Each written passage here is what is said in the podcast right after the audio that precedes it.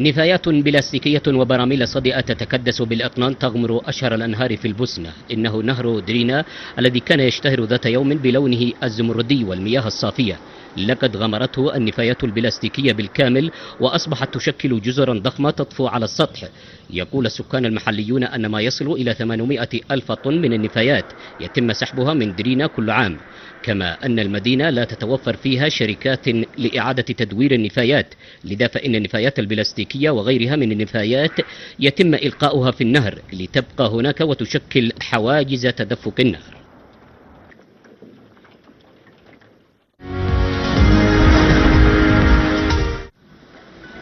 بعد ثلاث سنوات من الغياب بسبب كوفيد 19 يعود مهرجان سابورو للثلوج من جديد لاستقبال السياح والزوار في اليابان. ويعد هذا المهرجان أحد المهرجانات الشتوية الأطول والأكثر شهرة في البلاد مع أكثر من 400 منحوت وتمثال للثلج والجليد. بالإضافة إلى إضاءات ليلية مدهشة ومسابقات للتزلج والقفز على الجليد.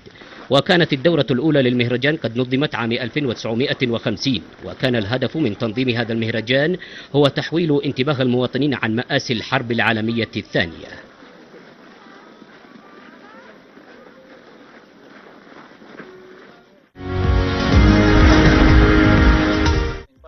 بسبب الارتفاع الجنوني لأسعار البصل في الفلبين قرر عروسان استبدال الزهور بالبصل خلال احتفالهما بزفافهما واختارت العروس الفلبينية أن تحمل باقة بصل بدلا من الزهور وأوصت صديقاتها بإهدائها باقات وأكاليل من البصل. وقالت العروس ليكا نوبيس بإمكاننا استخدام البصل بدلا من الزهور لأنه بعد الزفاف ستذبل الأزهار وينتهي الأمر برميها بعيدا فلماذا لا يستخدم البصل بدلا من ذلك؟ بحيث من الممكن استخدامه بعد الزفاف. وقد استقبل العريسان عشرات الأكياس من البصل من الضيوف في حفل سالت فيه دموعهم بغزارة جراء رائحته الشديدة.